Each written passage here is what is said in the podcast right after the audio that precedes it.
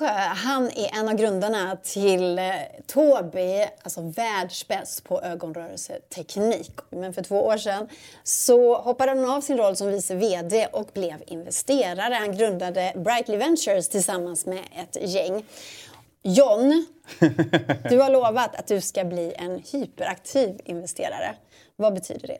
Ja, men det, jag tror det, det, är vi som Brightly. Vi, mm. vi ser framför oss ett väldigt aktivt 2021. Mm. Vi har uh, kommit igång ordentligt, gjort ett antal investeringar och fått alla våra rutiner och allt på plats. Och uh, nu finns det fler intressanta bolag än uh, någonsin att titta på. Så vi ska titta på otroligt många bolag i år. Mm. Okej, okay, hur många då? Ja, jag vill kolla på tusen bolag i år. Det, du vill det? Ja, tusen det, bolag? Ja, absolut. Finns det tusen bolag så ska vi titta på tusen bolag. Det, vi försöker titta på, jag tror vi har sagt att vi, vi ska kolla på någonstans ungefär 500-600 bolag per år. Mm. Uh, men uh, man kan ju drömma. Varför den här investeringslusten just nu? Ja, men det är uh, just för att det finns så otroligt många duktiga entreprenörer. Alltså, jag har ju en entreprenörsresa bakom mig och kan ju mm. se hur stor kvalitetsskillnad det är här på entreprenörerna nu och åtminstone den entreprenör som jag var för, ja det är 20 år sedan nu. Om 20-åriga John Elvesjö skulle pitcha till 43-åriga John Elvesjö så skulle ja. 20-åringen inte få några pengar till Tobbe nej, idag. Nej, nej det, det, hade, det varit, det hade varit uh, ett möte och sen så... Nej, det var det var en annan tid då. Det är ju en klassisk så här, ursäkt man använder för att så, saker och ting inte kanske höll måttet. Eh, och jag hade fantastiskt duktiga kollegor men jag, jag, tror att de håller med mig om, eh, om det. Att när vi tittar på våra planer och prognoser och affärsplaner och sånt där som vi gjorde så um, de hade inte kommit så långt idag. För att entreprenörerna idag är otroligt duktiga. Det är väldigt, väldigt många människor som, som kan eh, hur bolag fungerar, hur, hur aktier och ägande, investeringar, emissioner, optionsprogram och ebit och debit och kredit och alltihopa. Så att, eh, jag är väldigt imponerad över, över eh, liksom, snittnivån på entreprenörer jag träffar. Ja, för då blir man ju nyfiken på varför det har blivit så. Kommer du ihåg, jag drar mm. en parallell till kommunala musikskolan som man säger då har lagt grunden till det svenska musikundret som man senare pratade om. Vad mm. är det som har gjort att vi plötsligt har så många som är duktiga entreprenörer? Eller plötsligt, men på 20 år? Det handlar ju om eh, föredömen. Mm. Alltså det, man kan se det på, på många olika yrken till exempel. Det kan vara en yrkesroll som, som flygvärdinna till exempel som blir glorifierat i en tv-serie och plötsligt vill alla bli det. Mm. Eh, när vi har entreprenörer som blir glorifierade, hyllade och då, då ser man upp till det såklart. Och om sen också verktygen finns att, att, att bli det när i Sverige är det ganska enkelt att starta ett företag och driva ett företag och hålla en dialog kring investeringar eller, eller sånt. Så det är väldigt möjligt att bli entreprenör i Sverige. Mm. Och det finns väldigt många bra exempel. Jag såg upp till, till några entreprenörer som var före mig och uh, nu finns det ju jättemånga fantastiska liksom på världsnivå entreprenörer som bara, man kan bara drömma om att bli en av som dem. Så, så det är klart att det driver, driver liksom personer att vilja starta bolag. Mm. Det spännande med dig är ju att du eh, redan hade startat bolag för 20 år sedan och det var ungefär då som du var med och grundade Tobii. Mm. Men som du sa, det fanns färre entreprenörer på den tiden och ni var inte lika duktiga. Men vilken klick umgicks du med av entreprenörer då? Ja, men det, vi var, blev ett litet kompisgäng faktiskt mm. med framförallt Stockholms entreprenörer men några också från eh, Göteborg och lite så som, som kom till Stockholm och så sågs vi och umgicks några kvällar så varje år med viss regelbundenhet och, mm. och det där blev ett kompisgäng som det har har skrivits om. Uh, och vi har hjälpt varandra med jätte, jättemånga saker. Mm. Alltså, både investerat i varandras bolag och uh, stöttat varandra. Så det blir lite grann sådär uh, man sår ett frö och sen växer det och så eh, byggs det vidare. Mm. Att, uh... Men det är ju lite spännande att, att du som byggde Tobii som har blivit ett miljardbolag mm. var kompis med Daniel Ek som, som är på den här oerhört spännande resan med Spotify och Klarna Sebastian, Niklas Adalbert. Alltså ni ni var polare på den tiden. Nu kanske jag låter lite starstruck här, men jag tycker att det är lite spännande. Ja, det, är, det är lite roligt att vi faktiskt var alla de och Martin Lorentzon och, mm. och, och, flera. Eh, Magnus som, eh, och Kristoffer som hade grundat Price Runner och som nu driver andra bolag. Så det, vi var en litet kompisgäng faktiskt och uh, ingen av oss hade egentligen lyckats med våra bolag då när vi började ses. Och sen så från det där kompisgänget så blev det många bra bolag. Mm. Och det är ju lite sådär, man, det smittar av sig. Uh, både Både för att man lär av varandra men sen så uh, man kan också hjälpa varandra med investeringar och sådär så att man liksom kan själv uppfylla så att säga, framgången. Man kan brygga över hinder på, mm. på ett mm. sätt. Men hur är det nu då? Hur är stämningen hos er? Blir det någon slags tävling här? Vem som har lyckats bäst? Eller applåderar man bara varandra och fortsätter ses? Nej, men nej, det är ingen, ingen konkurrens sådär. Alltså, de, de absolut mest framgångsrika i det där gänget, de är de, de mest ödmjuka också. Så att mm. det, är, nej, det finns ingen konkurrens. Man kan väl märka att några några har fortsatt bygga sina bolag eh, till liksom, fantastiska nivåer. De, är ju väl, de är väldigt mm. upptagna. Mm. Alltså, det är, Daniel Eks resa har ju, har ju varit hård och det är mycket jobb såklart. Och samma med Sebastian. Alltså det, de har jobbat otroligt hårt. Eh, du får inte träffa dem så mycket? Nej, jag har, inte, jag har, inte, sett någon av dem på många år. Så att, eh, men, eh, men några av oss andra vi umgås. Vi har lite mer tid att ses och, och spela lite kort och ja, ta någon öl och sådär.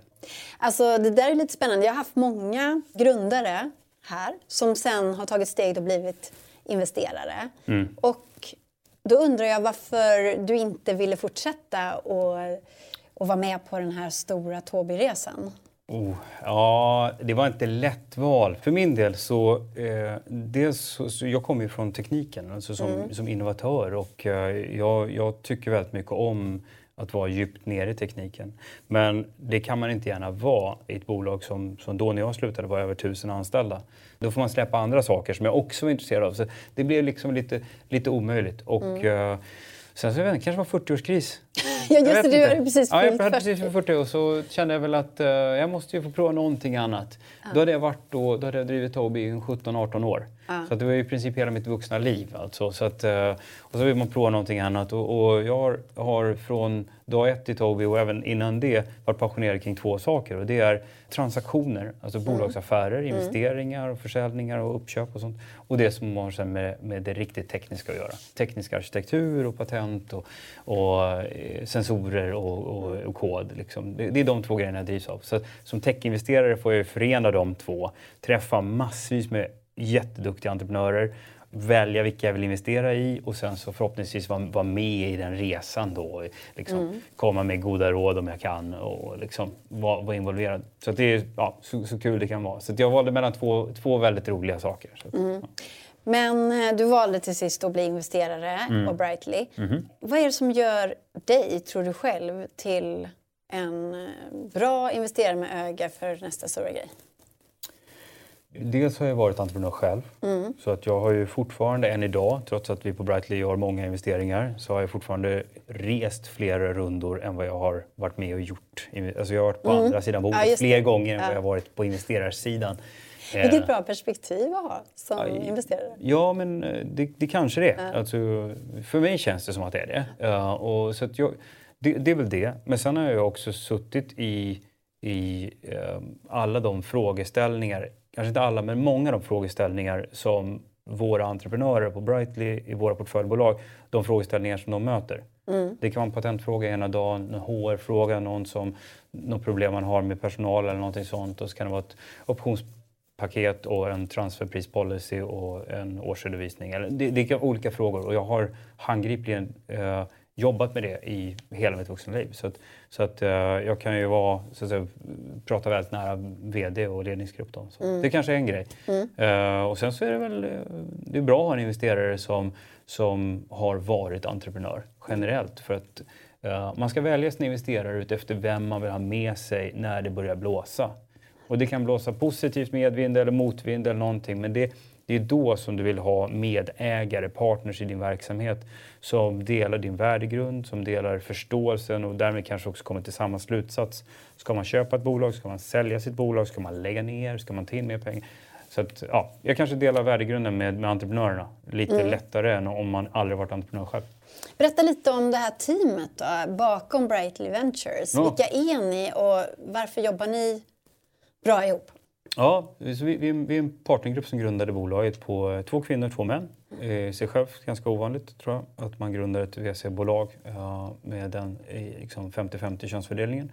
Och mina kollegor har ju drivit investeringsbolaget More mm. tidigare. Där jag var involverad i, i styrelsen.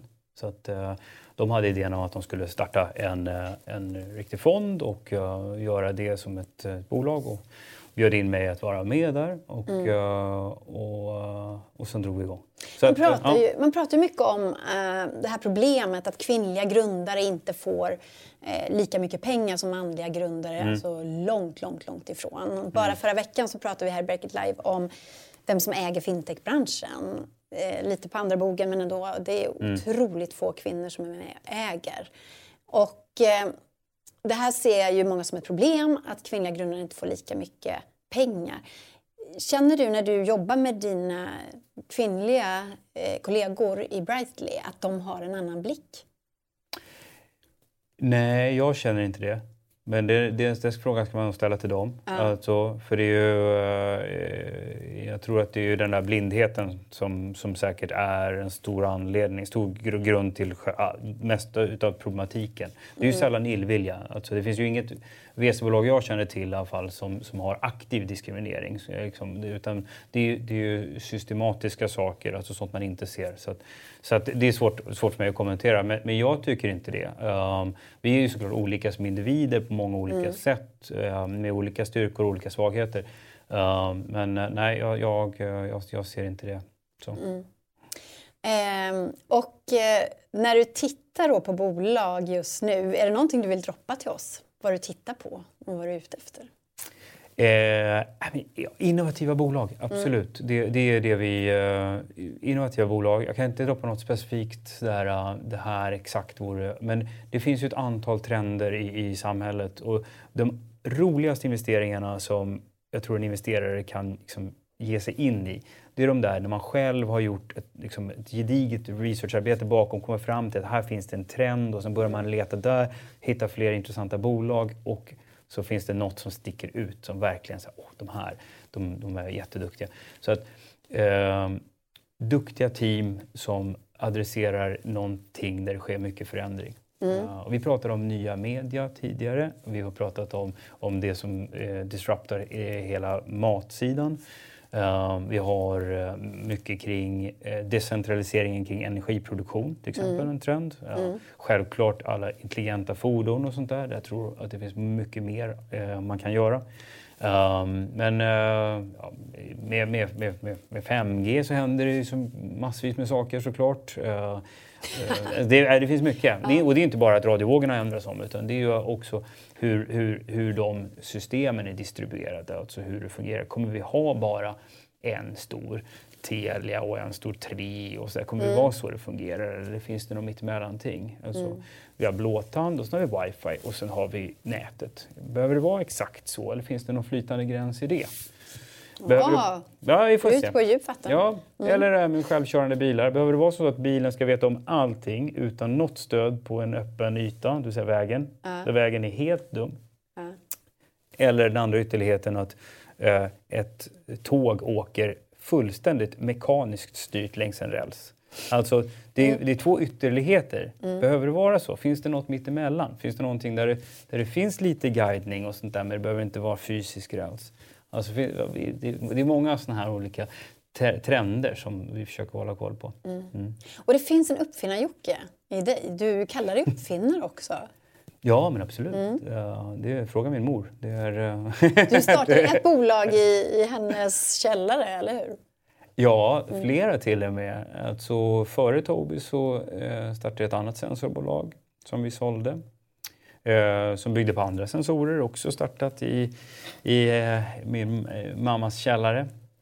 Uh, och innan det så var det en rad andra innovationer. Så det, det har varit uh, liksom, skruva och mecka, koda och uh, löda ihop någonting och så lite sensorer och så... Ja. Är du fortfarande intresserad av det? Att själv ja, liksom, jobba med händerna och skapa någonting? Ja, verkligen. Alltså det, nu är jag ju man, man, man, måste ägna en ganska stor del av sin tid åt att till exempel koda för att vara, vara liksom relevant och duktig. Och det, det sker ju massa saker. Så, så att, uh, det, det är jag inte alls överhuvudtaget förmögen att göra. Men, uh, men jag är fortfarande intresserad av att på, på så att säga, systemnivå uh, skissa och vara involverad. Mm. Men man får lägga lite band på sig också om man ska hinna med allt det man ska göra som investerare. Så att, mm. Mm. Och jag tror inte att det är bra att en, en investerare i ett bolag ger sig in i, i liksom detaljfrågor utan man ska hålla sig till saker som är, är på styrelse och ägarnivå. Mm.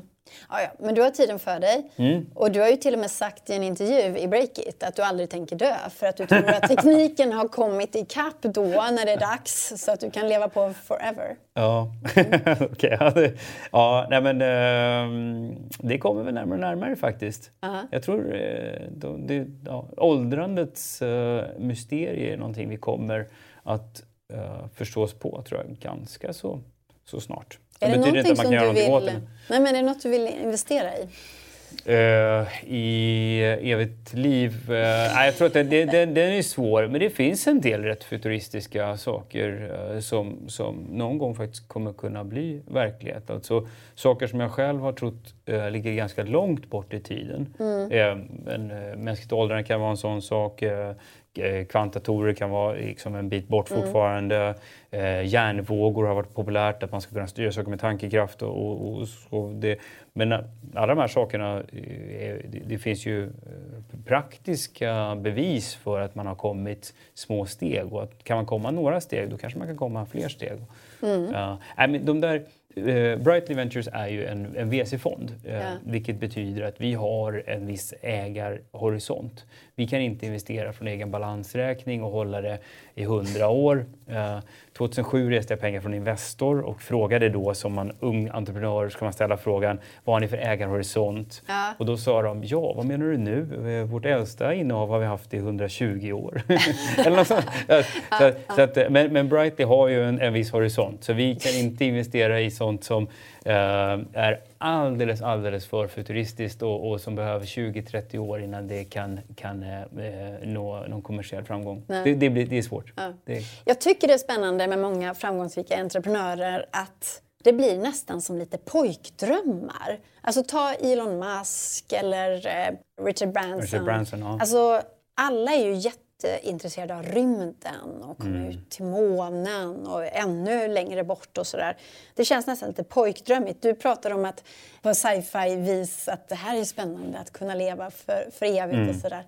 Vad är det där? Måste man ha den fantasin, tror du, som investerare, entreprenör för att kunna göra riktigt stora saker? Jag tror att man som entreprenör så måste man eh, kunna visualisera. Man måste ha, det är någon form av uh, fantasi. Jag mm. tror nog att jag har ganska dålig fantasi men man måste ändå kunna ha en dröm eller liksom, och, och, våga följa sin, sin vision eller sin passion. Mm. Uh, och för min del så var det verkligen sån här jag gjorde hemrobotar och eh, sådana saker. Avfyrningsramper och eh, ja, luftskepp. Och liksom. det, var, det var mycket sådana här väldigt pojkiga innovationer. Mm. Jag byggde hemlarm med stark ström och sånt. Det var, Oj, det var mycket låter sånt. farligt. Ja, det, den, är, den var inte säker. Ja, så att, eh, men men ehm, så jag, jag kommer från en ganska sådär, från hantverkarfamilj. Ja. Mycket lödkolv och, och och svetsare och liksom, så liksom, den typen av, av hantverks, liksom, mekanisk innovation. Mycket. Mm. Mm. John Elvesjö är alltså, sitter kvar här och i slutet på programmet så kommer du ta emot tittarnas frågor. De kan få fråga dig precis vad som helst. Vad som helst.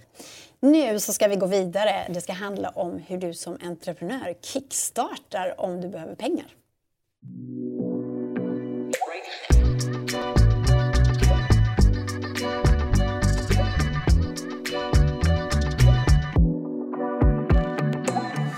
Vi kanske ser ljuset i tunneln även om det fortfarande är ganska osäkra coronatider. Och där ute så finns det många entreprenörer som vill skaffa kapital. Och hur gör man då om man vill kickstarta sin kapitalanskaffning? Till vår hjälp för att prata om det här har vi Eva Nolander från Almi Invest. Hej Eva! Hejsan! Och Almi Invest sponsrar ju Break It Live så det här är ett sponsrat inslag. Eva, jag skulle vilja börja med det här coronaåret som, mm. som kom igång för ungefär ett år sedan. Vad förväntar ni er då? Liksom? Ja, så det blev ju en väldigt kraftig inbromsning på investeringsviljan och vi hade väl ett 80-tal bolag i vår portfölj som tämligen omedelbart behövde kapital. Så där fick vi lägga mycket tid och kraft till en början. Men så fick vi också ganska snabbt dels lättnader i vårt regelverk som gjorde att vi kunde ta en större del av investeringen. Annars har vi krav på att vi ska ha privata investerare med oss när vi investerar. Eh, men sen fick vi också 400 miljoner i ett extra till, tillskott ifrån regeringen då, för att kunna mildra effekterna utav krisen. 400 miljoner, det är rätt bra. Så ett år senare nu då, hur är läget just nu? Blev det ett ja, krisår? Ja, dels när vi blickar tillbaka så ser vi faktiskt att det blev ett rekordår för oss vad det gäller dels gjorda investeringar. Vi investerade för 336 miljoner i över 200 bolag. Men även exitmarknaden blev riktigt bra där vi har sålt innehav för 222 miljoner. Mm. Vad är det mer som ni har upptäckt som investerare som blev väldigt annorlunda från tidigare år? Ja, ett exempel som jag kommer att tänka på då, det är just att vi har, vi har för första gången investerat i bolag där vi aldrig har träffat entreprenörerna fysiskt. Så det är ju ett nytt fenomen faktiskt. Mm, jättespännande. Ja, men det är spännande och jag som, jag som sitter en bit ifrån storstaden också kan ju också slås av det här att det här är en möjlighet också för entreprenörer som får lättare tillgång till investerare nu när det geografiska avståndet inte har lika stor betydelse. Just det, och kanske också att man har lite mer luft i kalendrarna för att man slipper sitta på tåg och flygplan och inte resa så mycket, eller hur? Absolut, det har mm. vi faktiskt sett att det här första mötet, det första digitala mötet är lättare att få till stånd faktiskt för, för entreprenörerna. Mm. Det är kul att lyfta upp någonting som faktiskt funkar bättre i coronatider, för det är så mycket dåliga Nej, nyheter kring corona, så jag är glad att du är här och berättar det. Men eh, ni som möter så många pitchande entreprenörer då från Almi Invest, vad skulle du säga är det vanligaste misstaget som en pitchande entreprenör gör? Ja, alltså vi förväntar oss när de kommer till oss att de verkligen kan sin marknad, att de förstår hur de ska tjäna pengar och hur man skapar värde för sin kund. Och möter vi då liksom uttalanden som att om bara en procent av alla amerikaner blir våra kunder så är vi hemma. Då drar vi öronen åt oss och tänker att nej, här har man inte gjort en riktig marknadsanalys. Och ett annat exempel som jag tänker på samma, på samma tema är om man, om man eh, tycker sig inte ha några konkurrenter. Det vet ju vi att det, det sällan stämmer och skulle det verkligen stämma då, då kanske kunden redan har ett fullgott substitut som den är nöjd med så att det blir ändå inte, inte bra helt enkelt. Två konkreta tips där från Eva. Och om man ja. vänder på alltihop och, och undrar så här, när, när blir du imponerad då? Eh, vad ser du då i en, en framgångsrik pitch? Ja, mitt första råd då är att se till att vara riktigt bra förberedd. Hellre än att gå fram en halvfärdig pitch liksom, där du inte riktigt har koll på siffror och din, din traction och annat sånt där som vi investerare är riktigt nyfikna på. Då är det bättre att ta tid på sig och lära sig de sakerna utan till. Mm. Fram, alltså, för att få framgång så förberedelser är key helt enkelt. Och, och sen undrar jag också, när ni då har fått ett pitchdeck som ni tycker är intressant, vad är det som händer då? Nästa steg i vår investeringsprocess, som man kallar det för det, eh, det är att vi tittar på det här i vårt interna team.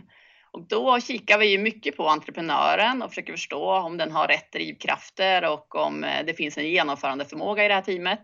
Och sen försöker vi också förstå om, eh, om den här affären har tillräckligt stor potential så att vi liksom blir intresserade. Mm. Men det är en tuff granskning där från er sida som tar tid också? Absolut, eh, det är en ganska lång resa och klarar man det här första liksom, teamnålsögat, då sätter vi igång en bredare granskning där vi tittar på kanske mm, om det, marknaden växer, trender i världen, vilken, vilken position man avser att ta på den här marknaden och även på sånt som ekonomi och eh, kapitalbehov och sånt på sikt. Så det är en diger granskning som, som, som kickar in då fram till ett investeringsbeslut. Du Eva, det är ju många entreprenörer som tittar på det här programmet. Så om eh, de lyssnar nu med blomkorsöron och tänker liksom, hur ska jag göra för att komma åt de här Almi-pengarna? Hur gör de? Ja, vi finns ju över hela landet, eh, men jag skulle säga att det enklaste sättet eh, att nå oss är att gå via almiinvest.se och klicka där på en rubrik som heter Pitcha din startup. Då kan de presentera sin idé och så tar någon av oss kontakt helt enkelt. Så har man etablerat mm. kontakt. Och man får helt enkelt också en, en mall för hur man ska göra. Det är jättebra. Jajamän, det får man. Tack så väldigt mycket Eva Nolander från Almi Invest Mitt för att du var med i Break It Live. Tack så mycket.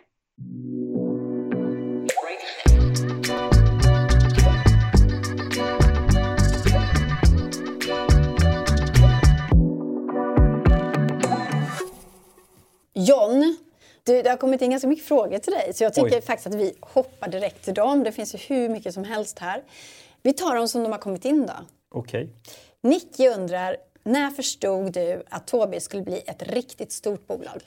Eh, ja, bra fråga. Jag vet att det var ett läge när vi var, hade kommit en liten bit över ett dussin anställda. Eh, och jag hade lite grann i hemlighet så där, för varje rekrytering så hade jag varit så här yes!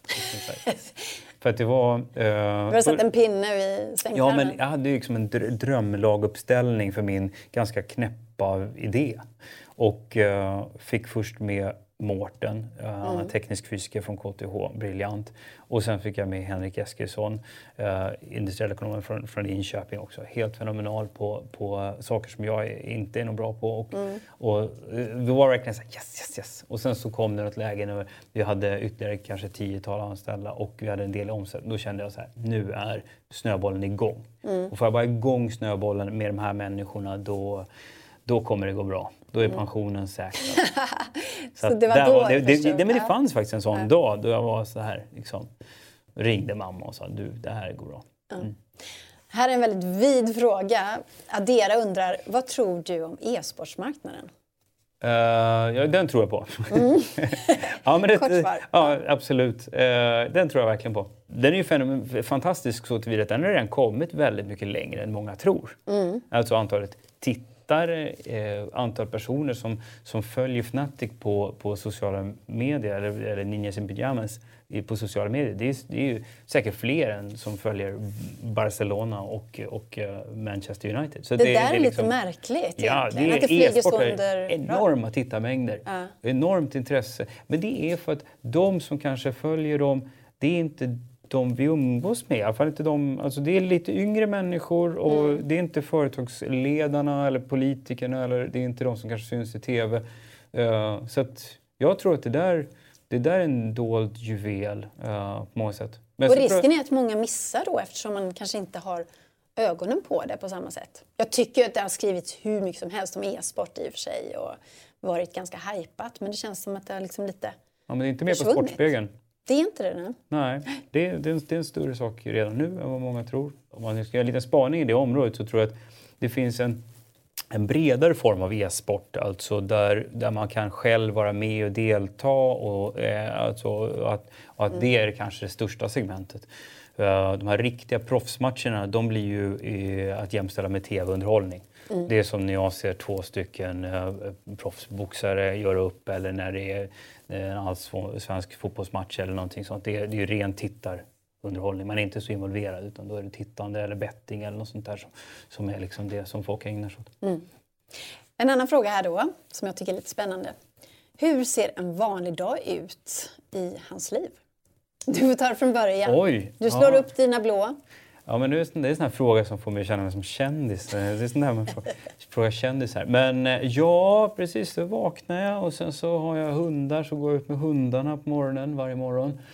Eh, och sen så eh, ja, det, börjar vi med lite plöja igenom eh, mejlskörden. Oftast mycket USA-mejl i början då på dagen för de har eh, liksom, samlat på sig under kvällen. Eh, och sen har jag lite avstämning med mina, med mina kollegor på Brightly. Jobbar ni bara digitalt nu? Ja, mest, eh, mest faktiskt. Vi har, vi har ett kontor men, men vi, det är mest digitalt faktiskt. Ehm, så eh, det fungerar väldigt bra ehm, också. Eh, Och sen så brukar mina dagar innehålla framförallt att lyssna på unga entreprenörer. Ja, eller unga bolag ska jag säga. Det är inte alla entreprenörer som är unga men, men, men bolagen är ju unga bolag generellt. För- Vad då har du bokat in dem i din kalender då? Så du har ett antal möten ja, men varje dag? Precis, och då är det, då är det videomöten. Eh, och eh, det fungerar rätt bra faktiskt med videomöten tycker jag. Mm. Eh, vi gjorde ju inte det lika mycket före covid alls, utan då var det väldigt mycket fysiska möten. Det blev naturligt med fysiska möten. De digitala blir lite effektivare. Det är, jag tycker att man kan, man kan köra lite fler per dag. Det är lite farligt också, för man kan vara väldigt slut i, i slutet av dagen. Mm. Men sen så, jag, jag gillar att jobba på kvällar. Så att jag, det blir rätt sena dagar för min del. Och hur slappar du då? Sist på kvällen? För du gör väl någonting för att slappa? Du kanske Ja. går in i ett clubhouse-rum då? Eller? Nej, det gör jag inte för då har jag pratat för mycket. Alltså, för mig är Clubhouse är jobb. eh, faktiskt. Det är, inte, det är inte en underhållning. Utan eh, då skulle det snarast vara ljudbok. Eh, Jag är stor konsument på, på Storytel och liksom, där, ljudböcker. Eh, Sci-fi? Eh, nej, men jag har lite, alltså det är lite too close to home faktiskt Ja. på något vis. När andras framtidsprognoser så där, kan jag, ibland, om, de, om, jag, om jag känner att jag kan relatera till dem, då kan jag vara väldigt, väldigt uh, in it sådär. Men, eh, men annars så håller jag mig nog till eh, lite deckare och sånt där. Mm. Ja.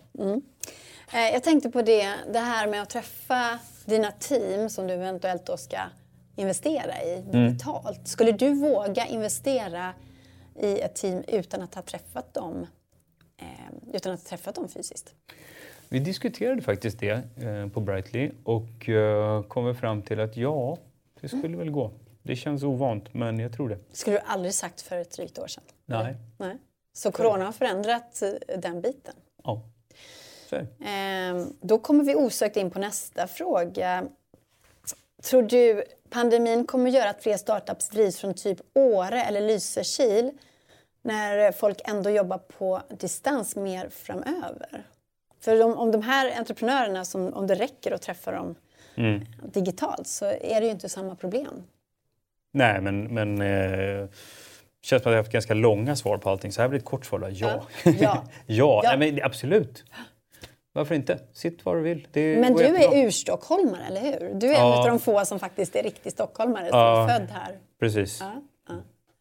Ehm, och vad tycker du då om ortens... Eh, vi har ju en, en stor satsning på Breakit nu för Mm. att, eh, för att orten entreprenörer ska få eh, pitcha till duktiga investerare. Är ni inte med där? Eh, och då menar du orten inte som i förorten? Jo, förorten och landsorten. Både Ja, och. Liksom. både Mm. och. Både och. Eh, jag är ju förortskille, så jag är ju född och uppvuxen i Spånga. Aha, Jag har, har i mitt hjärta kvar väldigt mycket i Spånga. Ja. Eh, så att uh, Spånga entreprenörer, de, de har liksom... Gräddfil just det. Nej, men, men, eh, men jag, eh, jag har faktiskt tagit mig tid eh, några gånger och försöker verkligen göra det. Och liksom, coacha och peppa entreprenörer som kanske inte eh, driver en idé eller ett företag som, som relaterar till, till Brightly som, som investering eller som möjlig investering. Men, men där jag ändå kan dela med mig lite utav min, liksom, eh, mina tankar och råd. Eh, Så det gör jag jättegärna. Mm. Eh, för Brightlys del så, uh, vår utmaning är ju att uh, vi sitter i Stockholm. Det är nog rätt att vi, vi, vi sitter här. Om vi ska bara ha ett kontor så är det ju ändå här vi ska ha det. Men vi vill synas och höras i hela Sverige. Eh, och vi har delat upp regionerna lite grann mellan oss. Det proaktiva ansvaret se till att höras och synas. Eh, vi försöker köra uppföljningssamtal med alla eh, investerare och inkubatorer som har sina rötter i andra, andra städer. Det är Umeå förra veckan och veckan innan det Linköping och har en kollega i Göteborg idag och, och sådär. Så det, det är, vi försöker verkligen. Eh, men det kan vi bli mycket bättre på. Så att uh, supervälkommet när det är investerare som kan andra delar av, av regionen, eh, av Sverige, eh, bättre som hör av sig till oss. Men varför är det så intressant? Varför har ni ändå börjat tänka på det? Så att ni kan bli bättre. Eh, Ja, men det är ju livsfarligt när, när alla liksom lämlarna bara helt utan att, att tänka eller lyfta blicken faktiskt följer ett spår. Ja, vi vill absolut inte vara en av dem utan vi vill eh, absolut vara ute och titta i de delar av landet där, där, eh, där, där färre investerare är också. Ja, det är inte sämre eh, entreprenörer i Jönköping än i, i Stockholm. Ja, eller Örebro. Alltså det är, vi har ju gjort en investering i Luleå, en i Uppsala, en i Göteborg, Malmö. Det, det, är, ehm, det är lätt att man råkar se mest kring sig där man står. ja. Och så man måste hela tiden vara på sig själv och poka lite sådär. Eh, Och, och, och vi kan bli mycket bättre på det också. För så det, det finns room for improvement, absolut. Men vi tänker på det i alla fall.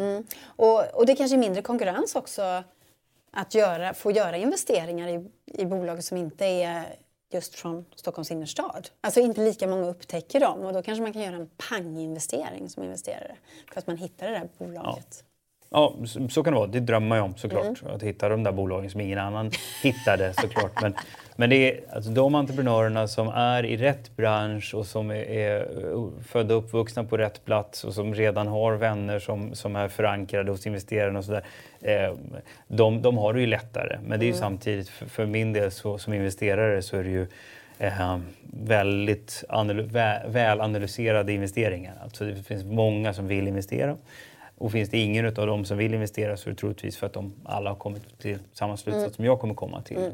Så att, äh, det är roligt att titta på nya grejer, sånt som är annorlunda än vad alla andra tittar på. Mm. mm. Eh, Johanna undrar, här kommer den, den obligatoriska bitcoinfrågan. är du in, investerad? Jag är inte investerad i bitcoinvaluta. Nej. Nej. Eh, och eh, det kommer jag inte vara av samma anledning som jag inte eh, jag spekulerar inte i råvaror och heller inte i valutor utan jag investerar i producerande tillgångar. Det här är en gammal Warren Buffett-klyscha. Man, man investerar i sånt som, som skapar, som tillverkar. Bolag tillverkar till exempel. Mm. Även, en, även en, en, en yta mark eller ett fält kan producera. Mm. Men en, ett kilo guld eller en bitcoin kan inte producera. Det, det är skillnad mellan vad jag kallar för investering och spekulation. Mm. Man spekulerar i en råvaras till liksom, prisändring, det är en sak. Det finns de som är superproffs på det. Uh, det, det är inte jag. Inte för någon jag vet inte hur oljan kommer gå, inte guldet och absolut inte bitcoin. Den, den är den svåraste tror jag. Faktiskt. Men jag har vänner som är jätteaktiva i, i området. Att, um, ja. ja. Så du spolar inte helt och hållet den här idén då? Eh, du lät lite skeptisk, men jag har nästan aldrig hört någon i techbranschen som säger så här, det där är ju bara bluff, till exempel. Nej, men det får man inte riktigt säga tror jag i techbranschen. För det är, det är en stor del av techbranschen som är väldigt passionerad kring, kring kryptovalutor generellt. Mm. Um, och uh, man vill inte stöta sig med dem. Och, uh, för, för min del så jag, det finns delar i kryptovalutor som jag verkligen älskar. Mm den decentraliserade liksom, delen och att man i, någon mening ifrågasätter de här gamla strukturerna med, med riksbanker och sådär. Men eh, sen finns det någon del i det hela som eh, oroar mig. Att eh, det, är, det är lätt för eh, småsparare att, att sätta sina pengar i bitcoin. Mm. och eh, Eh, det är inte alltid det kommer med, att man, eh, med kunskapen om riskerna till exempel. Mm. Så det där oroar mig lite grann. Uh, ja. Det låter som att du har det på tungan att du vill nästan säga att passa er. Eh, nej, det, vill jag, det, det ska jag inte våga säga. Jag, ja, det, det, det, jag tyckte det var fantastiskt att Tesla ställer sig bakom så, så tungt mm. som de gör. Så att mm. Eh, en och en halv miljard dollar, vad, vad, vilket jag förstår är rätt stor del ändå av kassan, 10 procent. Det är en hygglig del av sin De har väl tjänat mer pengar på det eh, de senaste veckorna än de har någonsin sålt bilar för var det någon som skrev på Twitter. Men det kanske var ah, okay. ah, Sådana här siffror ska man kanske granska då innan man resterar dem. Men, men äh, äh, Bitcoin kan, kan gå precis hur som helst. Ja, ja det är, det är väldigt svårt att veta. Och det är en stor hjälp då, när en stor entreprenör som Elon Musk och bolaget Tesla ställer sig bakom. Att du kan köpa en Tesla i bitcoin nu för tiden. Ja, ja verkligen, verkligen. Och jag tror de som sågar bitcoin, de, de, de gör fel. För att det är, eh, vad ska ett kilo guld kosta? Och varför ska det kosta ja. så? Eh, diamanter och eh, kanske kanske ännu mer. Varför kostar de det de kostar? Det, det är, eh, en, liksom, det, det, är en samhällskonvention ändå bakom mm. alla de här till, tillgångarnas pris. Um, mm. Mm. En fråga från Kajsa. Är klimatet en faktor när John och Brightly investerar? Ja, men det är det absolut. Eh, vi är inte en utpräglad impact eller klimatinvesterare utan vi är en en eh, investerare i innovativa bolag. Mm. Uh, men självklart så har uh, klimatpåverkan um, men även ja, kan vara annan form av, av påverkan. Alltså generella corporate social responsibility försöker vi ta med väldigt mycket i våra investeringar. Så mm. vi har tackat nej till några investeringar som uh, som skulle kunna ha blivit finansiellt fina investeringar men där vi känner att verksamheten inte ligger i linje med vad våra hjärtan klappar för. Mm -hmm. uh, och, uh, och, vad klappar våra hjärtan för? Där väger vi in väldigt mycket. Um, vad, den, vad, vad, blir den samhälleliga påverkan av bolagets framgång? Mm. man ska inte investera i bolag där man har så att säga, eh, second thoughts inför att det går bra för dem. Utan man vill vara helt, helt hundraprocentigt jag vill att det går så himla bra det bara kan gå. Ja, ja. Så att, um, och, och i det där så väger vi in uh, miljöfrågan också. Okay. Mm. Signaturen Livet undrar, vad har ni för edge jämfört med andra riskkapitalister? Vad är ni extra bra på? Uh, jättebra fråga. Uh, och jag tycker andra riskkapitalister är väldigt duktiga också. Vi har um, djupare branschkunskap i vissa branscher mm. inom till exempel fintech, inom human computer interaction, inom uh, eh, mjukvara till exempel. Mm. Uh, vi har mer operativ erfarenhet än, än många. Alltså vi har varit uh, företagsledare själva. Uh, vi har varit investerare väldigt länge. Då pratar jag inte om mig själv, men mm. mina, mina kollegor. Så att vi har liksom ganska lång erfarenhet av, av Sveriges VC-bransch. Uh, vilket också gör att vi uh, är välrenommerade som medinvesterare. Även mm i omgången efteråt och senare. Går det bra efter att vi har investerat så, så kanske man behöver mer pengar och kanske man behöver större pengar. Och, eh, och då eh, är det bra om dina tidiga investerare känner så att säga, rätt eller kan, kan borga för investeringen. Mm. Och du verkar väldigt trevlig, alltså sådär lätt att prata med. Är, det, är ni trevliga också? är du lika trevlig mot, eh, mot grundarna som pitchar eller kan du vara tuff mot dem? Det, det, ja, jag vet inte, det är bäst att fråga om. Men, men eh, jag tycker det där är... Jag, jag är nog kanske eh, lite för snäll. Mm. det är, eh, jag skulle nog inte vara en jättebra drake i draknästet. Nej. Jag skulle vara lite för snäll tror jag. Eh, men samtidigt försöker man ställa de svåra frågorna. Mm. Ställa de svåra frågorna men inte göra det på ett sätt som blir liksom sågande. Och jag tycker att det svåraste i jobbet nästan det är när man skickar de här nej tack-mejlen. Mm. Och vi tackar nej till 99 av 100. Så det Oj. blir ganska många. Ja. ja. Mm. Så, så blir ju matematiken alltså. Um, det, det, blir i princip 99 av 100. Då. Har du en sån här trist generisk mail då som du skickar ut? Ja. Eh, men det är, det är, faktiskt för min egen skull att jag... Eh, det är klart man, man försöker skriva. Man försöker, vi har faktiskt eh, redan från början sagt att eh, eh, vi ska alltid ge, ge någonting. Så att man kanske får ett nej tack för en investering men man ska alltid få med sig någonting från oss. Det får man väl inte genom ett generiskt mejl då? Nej, eh, jag fyller ut det lite grann och eh, det är klart vi försöker eh, ge en del feedback. Och även ja. i mötet. Man kan ju alltså i, du pitchar ditt bolag till mig och berättar och jag ställer en del frågor men jag kan samtidigt ge en del, eh, en del råd. Mm. Och sen så finns det ju de många gånger när vi tackar nej så kanske det är, det är fel skede, det, det kanske kommer för långt. Ja. Eller det är alldeles för tidigt för oss så att det kanske är bättre om någon ängel investerar först kanske.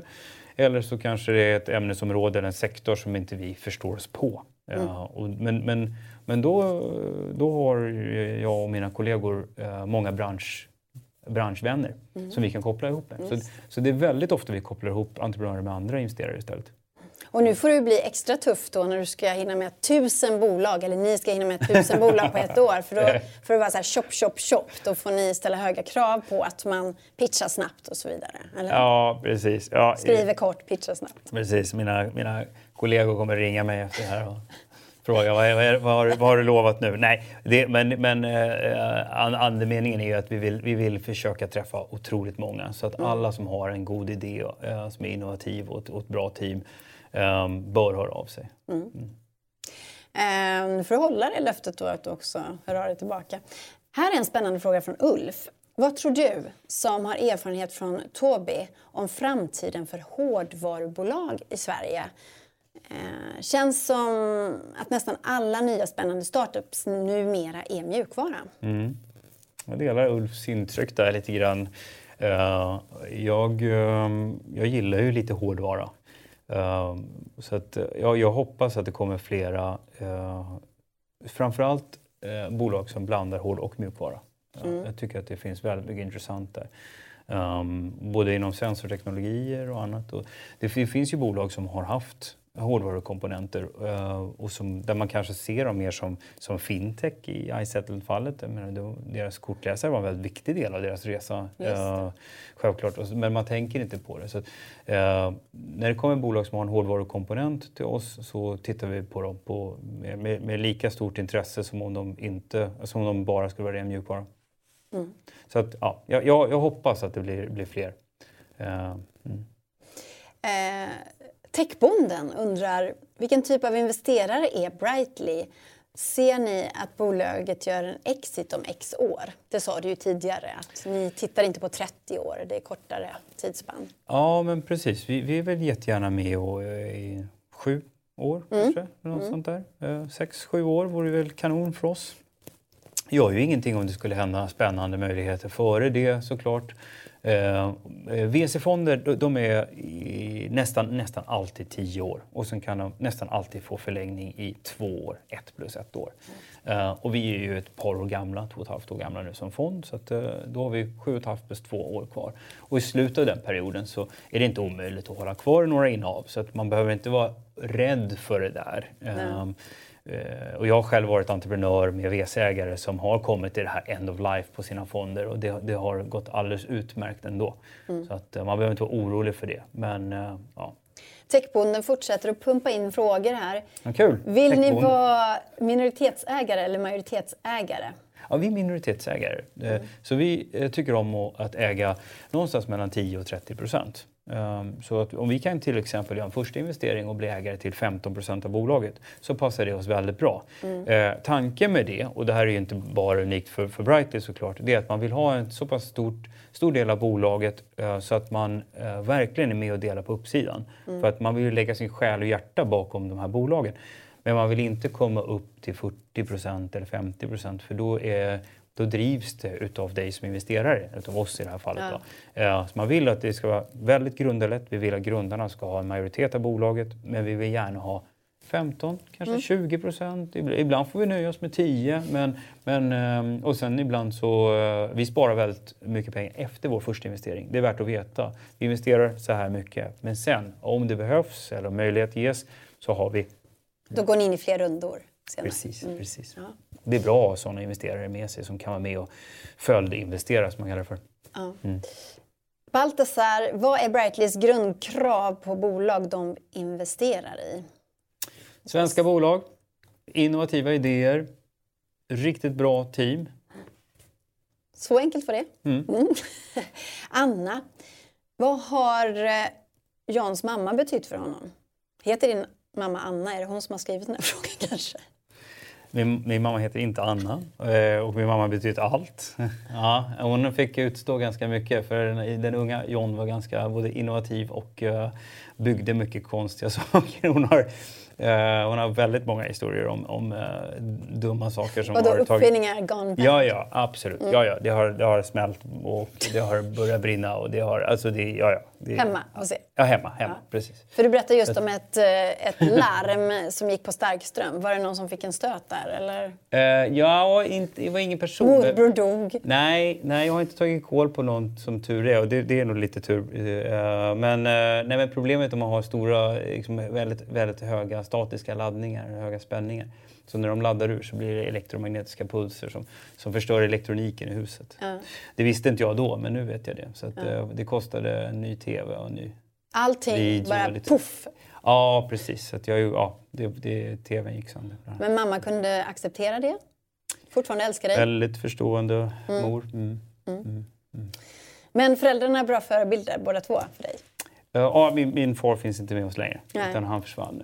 Eh, alltså han, gick, han gick bort när jag var 17. Mm. Mm. Swedish Brute undrar, vad har John för tips till småinvesterare? Till småinvesterare? Ja... Eh... Kryptovalutor? Ja, kör bara. Allt på bitcoin. Nej, eh, jag skulle väl säga så här att det är... För att vara en bra ängel så bör man ha tid till sina bolag. Uh, investera bara i bolag som man verkligen brinner för för då har man magiskt också mer tid såklart mm, för de mm. bolag man brinner för. Uh, jag tycker man ska titta på många bolag. Och ska man göra privata investeringar, investeringar i privata bolag uh, så ska man vara väldigt medveten om att det, det är inte likvida tillgångar. Alltså det är inte som börsen. Det, det kan vara väldigt uh, tråkigt för bolag om en investerare som äger några procent plötsligt vill sälja. Mm. Uh, det, för det, det, det, är inte, det är inte likvida tillgångar. Man är med för the long run. Och av den anledningen skulle jag rekommendera att man inte gör investeringar i tre, fyra, fem, sex bolag utan då behöver man göra det i, i 10-12 bolag och då mm. behöver man göra det på heltid. Mm. Det är mitt tips. Bra tips. Var ängel på heltid eller, eller, uh, eller välj försiktigt. Uh, kanske ta rygg på andra på ett sätt som, som gör att man åtminstone orkar och, löpa linan ut. Mm. Du, ett ord här som inte jag förstår i en fråga. Vad är F1-bilar? Formel 1-bilar. Jaha, okej. Okay. For, for, Formel 1? nu jag. Det är det vi gör på söndagar. Jag trodde det var någon sån här AI. Kommer F1-bilarna att köras med hjälp av enbart AI framöver? Det blir ju ingen sport i så fall. Det undrar, det undrar Von Wisling. Ja, men det är lustigt. Vi pratar faktiskt om det. Vi är några vänner som är lite Formel 1-intresserade. Mm. Några mer än, än, än, andra. Eh, jag är den minst Formel 1-kunniga utav, utav oss, men, men jag är gärna med och tittar. Ja. Uh, det vore ju otroligt häftigt om det fanns en Formel 1-serie som var helt autonom. alltså, eh, I och med att det inte är människor involverade, att det är bara i, ja. som skrot, så, så, så, så, kan man ju... Köra skitfort ja, alltså. Men, eh, ja, precis. Ja. Det, vore ju en, det vore en rolig AI-tävling. Mm. Det har funnits sådana tävlingar eh, där man har haft autonoma bilar som har tävlat mot varandra. Ja. Eh, redan för ja, mer än tio år sedan så fanns det självkörande tävlingar. Uh, men jag har inte sett något sånt på TV på länge. Det vore ju otroligt att, roligt. Ja, och kommer det något sånt på TV så kommer jag titta i alla fall. Mm. Uh, olika... Folkrace med AI-bilar. AI Folkrace var på så landsvägar förr i tiden. Ja. Kanske högskolorna kan, kan adoptera varsin bil då. Ja. Eh, så kör vi KTH mot Chalmers, folk, folkrace med AI-bilar. Det har funnits en del sådana här tävlingar faktiskt ja. förut men jag är, inte, jag är inte påläst på vad som är det senaste nu. Men, men sånt tycker jag är otroligt tittarvänligt. Mm. Alltså, jag, eh, ja. Det skulle jag också titta på. Ja. Men det har redan funnits och det kommer finnas framöver antagligen. Det tror jag mm. absolut. Mm. Och på Formel 1-nivå så eh, skulle det vara häftigt att se på rikt, riktiga Formel 1-bilar. Mm. Eh, här kommer en fråga från Official Mersa. Uttalar jag det? Mm. John, vad har du för råd till en nyexaminerad från högskolan som tycker att VC-branschen är jättespännande och vill sitta i en styrelse? Finns det någon styrelseutbildning som du kan rekommendera? Eller hur samlar man på sig sån kunskap och erfarenhet? Ja, men det finns ett antal styrelseutbildningar. Det finns åtminstone två privata organ som, som håller i styrelseutbildningar. Mm. Jag har gått en av dem. Men det finns inte på universitetet så här fyra poäng i styrelsearbete? Eller? Nej, det kanske det inte gör, men det finns ju ett antal entreprenörskurser mm. som också har med eh, bolag, corporate governance, vilket mm. är kanske hälften av det styrelsen gör. Eh, så att man kan nog genom dem lära sig mer om styrelsearbete. Så man hittar dem var? Eh, Kommer du ihåg? Nej, ja, jag vet att Företagsekonomiska institutet har en styrelseutbildning mm. och sådär. Men, men det är ju, det är ju utbildningar man får betala en slant för och de är mer kanske tänkta för personer som har kommit en liten bit i näringslivet redan och som sitter i någon styrelse och så vill man ha koll på senaste aktiebolagslagen och, och, och formalia och lite så. Så jag vet inte hur nyttigt det är för den här personen men, men det finns ett antal. Uh, så att, det viktigaste är väl att man, man eh, har en passion och, och mm. vill någonstans. Personen i fråga vill, vill in och jobba med investeringar, sitta i styrelser. Um, man kan ju börja med någon så här föreningsstyrelse då kanske. Eller ja. sin bostadsrättsförening om man, om man eh, har en sån. Ja, kan man göra. Eller är det, ens, är det ens värdefullt eller är det bara löjligt? Jo, jag, jag, tycker det är det. Absolut. Ja, ja. och jag, mycket entreprenörskap kan man lära sig i det lilla. Alltså det är det finns de som börjar entreprenörsbanan med att man får eh, prova på att eh, typ, till exempel äga en grillkiosk. Mm. Då ska du balansera dina inköpskostnader mot dina intäkter och, och eh, hantera en personalliggare. Och det är massvis med det där som, som är väldigt lärorikt. Mm. Inte bara bolagsdrivandet men också ansvarsfrågan och sådär. Liksom. Mm. Och så där. så man får, man får ta det i små steg. Tålamod. Official Mersa har inte gett upp än. Han säger sista frågan, sista frågan. Eh, vad har du för tips, eh, best practices, eh, till mig som nyexaminerad för att komma dit du är idag, fast på kortare tid? Vad har du, när drog du benen efter dig? Uh, ja, men alltså på kortare tid. Jag tror att uh, man ska inte leta efter en quick fix. Uh, det, det, är ju jättebra att man, att man har en ambition, att man vill någonstans. Men, men resan är hela målet. Alltså mm. Man måste gilla resan. Mm. Om, man, om man bara är fokuserad på att jag vill, jag vill vara rik till exempel, men jag vill mm. inte göra jobbet som behövs för att komma dit. Eller så. Det, det, det, blir inte bra. Så att man måste gilla resan. Så att jag skulle rekommendera att man tar steg som, som är i rätt riktning, men steg man kan gilla som steg. Mm. Alltså att, men jag gör det här, jag gör det här just nu för att jag, jag gillar faktiskt det här. Uh, det blir oftast bättre så.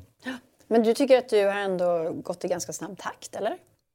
Nej, jag, jag, jag är nog de som tycker att allt har gått för långsamt hela Jaha. tiden. Eh, men jag har alltid gjort sånt som jag gillar. Ja. Och då är det inte ett problem att det tar längre tid. Och det är det som är liksom tjusningen i det hela. För att gör man någonting man inte gillar för att komma någonstans eh, då blir man lätt frustrerad när det också tar tid och sådär. Det kan bli en liten ond cirkel eller en ond spiral i det där. Mm. Ja, så att jag skulle um, go with your passion uh, och uh, var lyhörd, lär dig så mycket som möjligt. Uh, var aldrig lat och aldrig feg. Mm. Aldrig lat, aldrig feg. Nej, men om, om man låter bli att göra någonting av lathet ja, eller av feghet, det är inte bra. Det ska man låta bli. Man kan, man kan ju gärna låta bli att göra farliga saker för att det är logiskt att låta bli. Men inte bara för att man är feg. Ja. Så att, uh, mm. Jag ska alldeles strax släppa dig, men en enda sista fråga då. Mm. De fortsätter ju komma in. Ehm, det här med att investera då i team som är så viktigt att teamet håller, teamet är bra och så. Mm. Och då funderar jag på hur du tänker kring moral och privatmoral. Eh, mm. Den här frågan eh, tangerar det. Anser du att man som startup-grundare kan dricka sig berusad på en julfest? Alltså, jag tycker att man i sitt företagande så ska man vara överdrivet noggrann. Alltså man ska inte på firmafester Uh, det rekommenderar ingen egentligen, att mm. ta ut svängarna på, alltså dricka sig för berusad till exempel. Men, uh, och jag och mina grundare vi, på, på Tobii-tiden då, vi uh, bestämde redan från början att vi, vi frankerar inte privata kuvert med firmans frimärken. Mm. Det är en jättetöntig liten grej, men det är en symbolisk sak. Alltså att, att man bestämmer det på det sättet. Det betyder att man har, man har valt att köra det här företaget helt formellt korrekt redan från första gång, första beslut. Uh, och nu vet jag inte om det är det som personen i fråga tänker på men, men uh, jag, uh, jag har oftast varit den som först, går, går här först från firmafesten. Så ja. Det är lite tråkigt. Men man, man, kan släppa loss på andra sätt. Alltså, ja. Jag och mina medgrundare vi har vi har sjungit och spelat och eh, liksom paj, var allmänna pajasar mm. på, på jul, julspex. Och man kan liksom bjuda och göra, vara liksom, uh, vara tillgänglig och bjuda på sig. Men mm. uh, just att dricka sig onykter ska jag låta bli. Du, jag sa att det var sista frågan, men det kom en till. jag ställa den. Vilka personer inom VC ser du upp till personligen? Oj, ja men det, det finns många. Uh, alltså, gamla investerare som Warren Buffett såklart uh, för sina, liksom, sin klarsynthet. Uh, Bill Gates för sina initiativ som har liksom världsimpact. Mm. Som, han, som han dessutom bygger på eh, eh, väldigt stor liksom, kunskap och intelligens. Det är många hårda timmar bakom att kunna göra det han gör. Eh, men i Sverige så har vi ju eh, både från, från Norson och Grandon så finns det ju liksom riktiga hjältar eh, mm. som, som har byggt svenska techbolag genom sina investeraraktiviteter. Så att, uh, ja, det finns många. Mm. Så att, uh, nu har jag lärt känna många av dem så jag vill inte nämna någon för då kommer jag glömma de andra. Det, okay. ja. Tack så väldigt mycket Jan Elvesjö för att du kom hit till Break Live. Tackar. Och vi är tillbaka nästa vecka, nästa torsdag 13.30 så drar vi igång igen. Nordea och Almi Väst är våra sponsorer här på Break It Live. Tack för idag, slut för idag.